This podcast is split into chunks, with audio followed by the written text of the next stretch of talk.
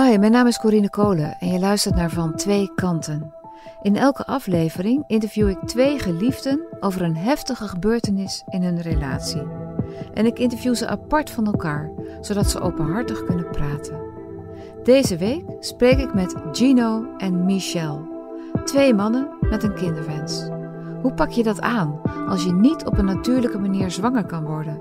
En wat doet het met je relatie als er een derde nodig is om een kind te krijgen?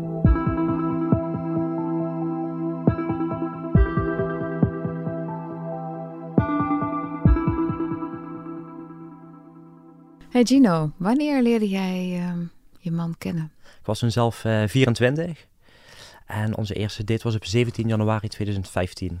24 was nog ja, heel ik jong. was 24, ja. We hebben elkaar leren kennen via Tinder.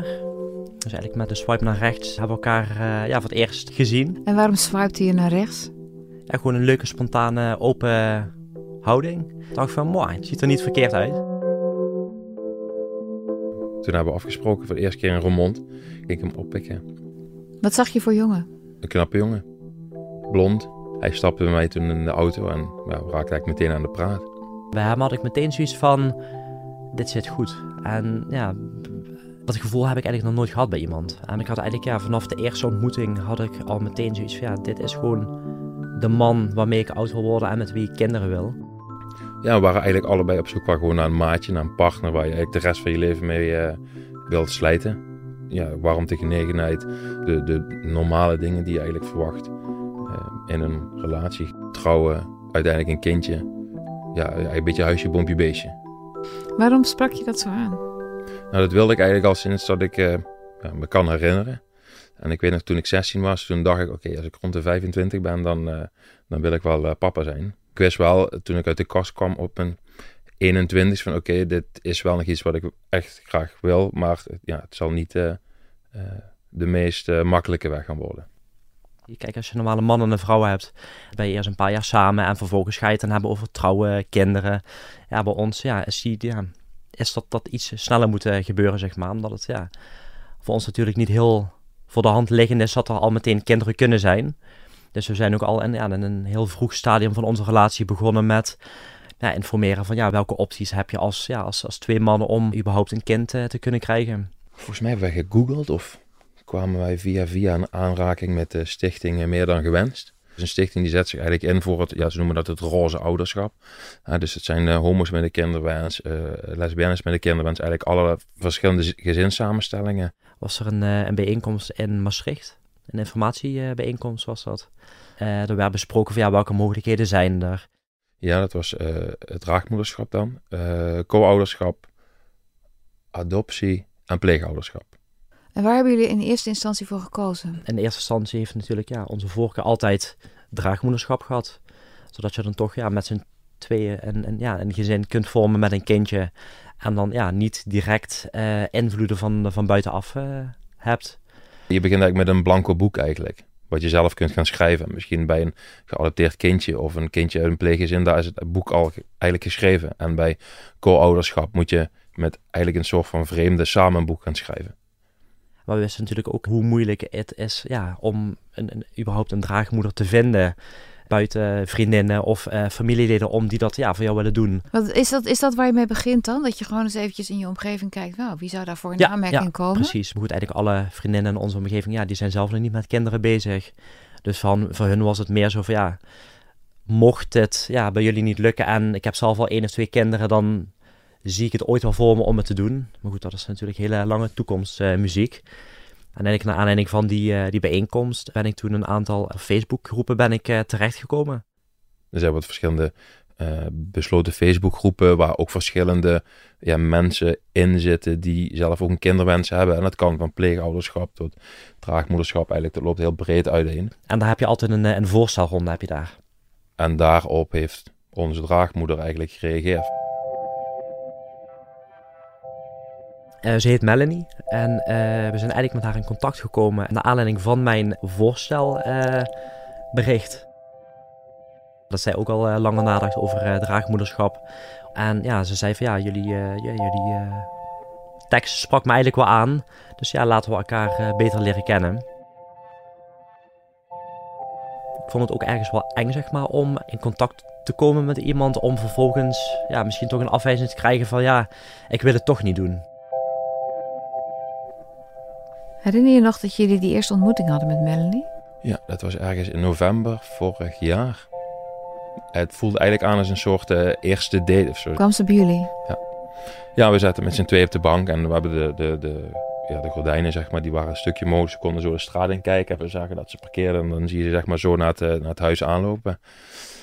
Ja, en de deur ging open, zeg maar. En het voelde eigenlijk wel meteen heel goed aan. Wat zag je voor vrouw?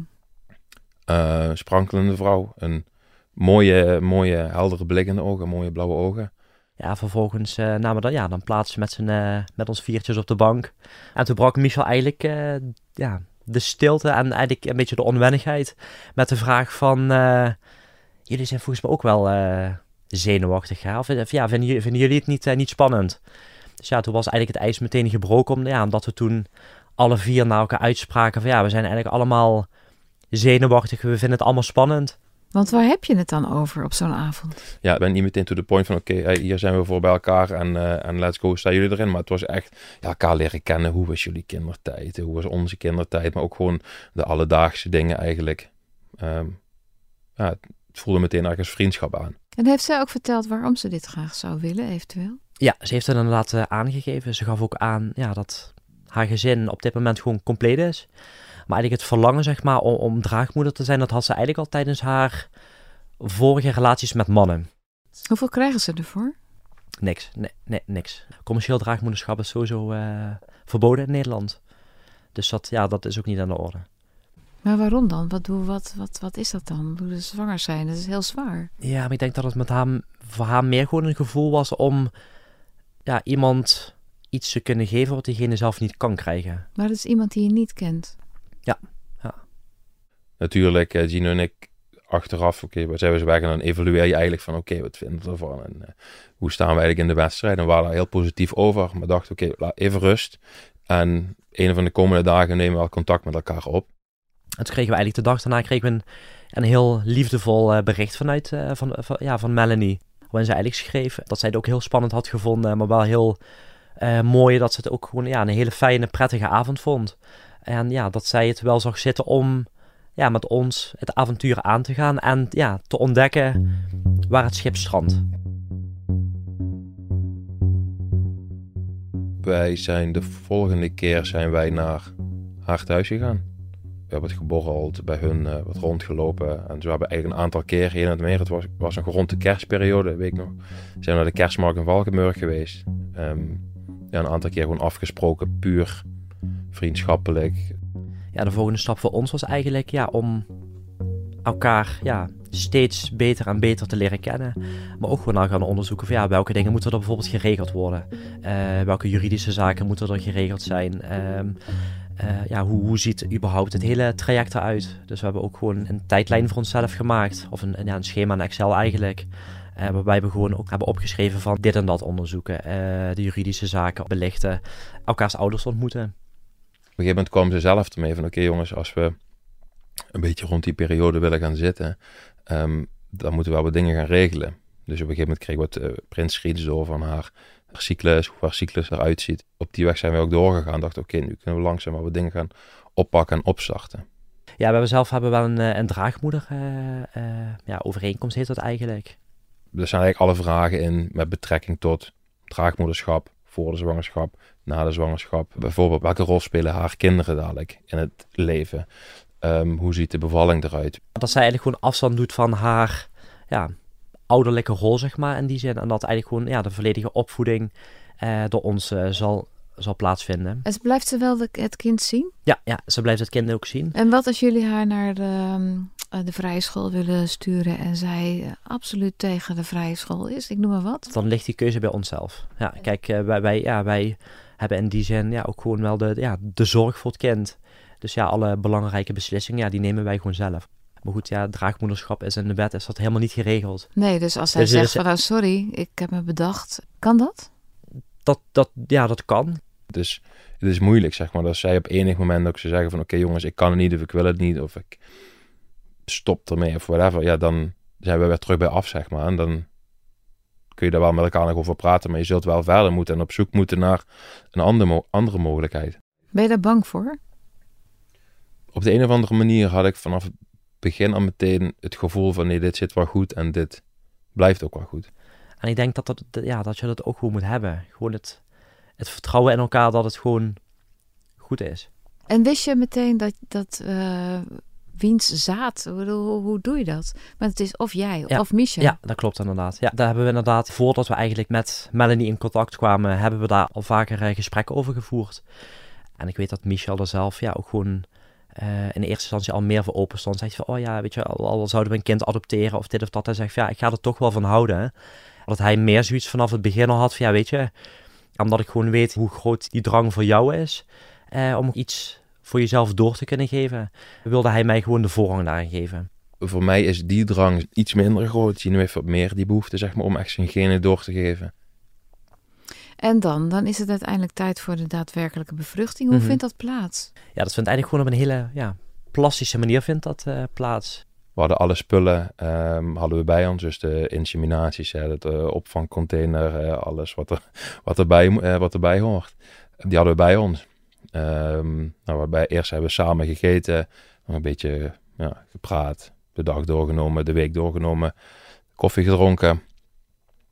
En op een gegeven moment was het zo, oké, zullen we dan maar? Ja, goed, dan is dat wel een beetje awkward in eerste instantie. Van oké, weten dat het zo gaat gebeuren.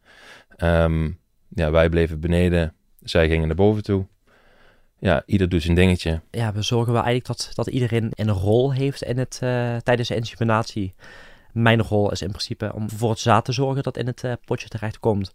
En vervolgens uh, ja, zorgt Michel voor het warm houden van het, van het potje. Voor het warm houden, hoe dan? Ja, zaad, ja, dat, dat houdt zich eigenlijk het beste op het moment dat het gewoon op kamertemperatuur of gewoon warm gehouden wordt. Dus na de zaadlozing ja, zorgt hij ervoor dat het, dat het potje warm blijft. Vervolgens moet je er kort mee, mee, ja, mee ronddraaien om het zaad wat, wat, wat vloeibaarder te maken. Vervolgens zorgt hij ervoor dat de inseminatiespuit klaar wordt gemaakt. Ja, dus ik had de spuit voorbereid. dus ik ging de trap op. Klop op de deur. Special delivery. Nou, de spuit wordt aangenomen en de dames hebben eigenlijk hun, uh, hun ding gedaan. Maar je moet ook een beetje om lachen, hè? Ja. ja, het is toch iets ja, waar zeg maar, een heterostel het op een romantische manier zeg maar, kan aanpakken. Zit toch iets plastisch.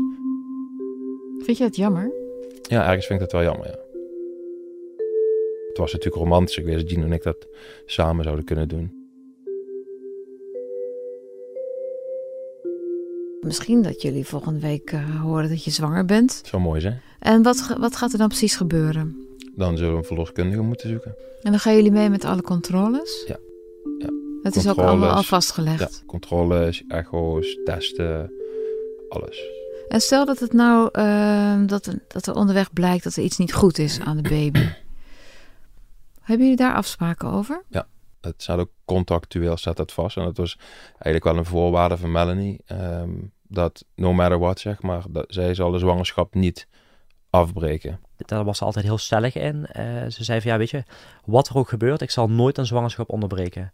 En ja, Michel en ik zelf hebben ook zoiets van ja, we kiezen er gewoon voor, voor dit. Uh, dus ja, natuurlijk hoop je altijd op een, op een gezond kind. Maar stel, ja, het, het, het, het, ja, het, het, kind heeft een, ja, het kindje heeft een afwijking, ja, dan is het net zo welkom als ieder kind, zeg maar. Ja, kijk, als wij daar niet achter hadden gestaan, hadden we altijd kunnen zeggen: Oké, dan houdt het hier voor ons op. En dan zoeken wij, gaan wij door met onze zoektocht naar een draagmoeder die dat wel zou willen. Maar wij hebben ervoor gekozen om, ja, maakt niet uit. Het is altijd welkom. Natuurlijk, ja, alle, alle scenario's, alle risico's loop je natuurlijk door. Maar we hebben ons ook wel neergelegd bij die gedachte dat zij zegt: van, Ja, weet je, wat er ook gebeurt, ik, ik draag het uit. Stel dat het niet lukt, zou je dan heel erg teleurgesteld zijn? Ja, dan zal ik wel teleurgesteld zijn, ja. ja. Ik denk dat toch wel ergens het gemis zal zijn van een, van een kindje. Ik denk ja, dat ook, ja, nou je daar zo uh, concreet mee bezig bent, ja, stel het, het, het, mag ons dan niet gegeven zijn, dat het dan wel ja, een, een dompel zal zijn. Je ziet het bij meerdere natuurlijk, bij, bij familie en bij vrienden die krijgen allemaal kind van, ja, dat is iets van, oké, dat wil ik ook graag. Ik wil ook zeg maar mijn eigen gezinnetje stichten. En ik denk, voor het gevoel nu hè, zouden we prima ons leventje nog eens vijf, 10, 15 jaar zo door kunnen zetten. Hè? Want we doen gewoon de dingen die we leuk vinden. Eh, we spreken met vrienden af, met familie. We gaan naar festivals, uh, op stappen, van alles. Op vakantie. Maar ik denk zeker ook als je dadelijk wat ouder bent, dat je ja, juist ook die, die, dan die warmte ook fijn is. Dat je zeker op een gegeven moment als, als je kind ook wat ouder is weer en die krijgt ook weer zijn eigen gezin, dat je dat ook weer gaat zien hoe dat zich helemaal ontwikkelt. Hey, en straks gaat ze bevallen. hoe gaat dat dan? Zijn jullie er allebei bij? Wat ik me daarbij voorstel is dat ik misschien op mijn werk ben of thuis, ik weet het niet, of whatever waar ik ben, de telefoon gaat, uh, er gezegd wordt, je moet nu komen, um, naar wij met z'n tweeën in de auto springen en dan naar, volgens mij is dat Maastricht rijden.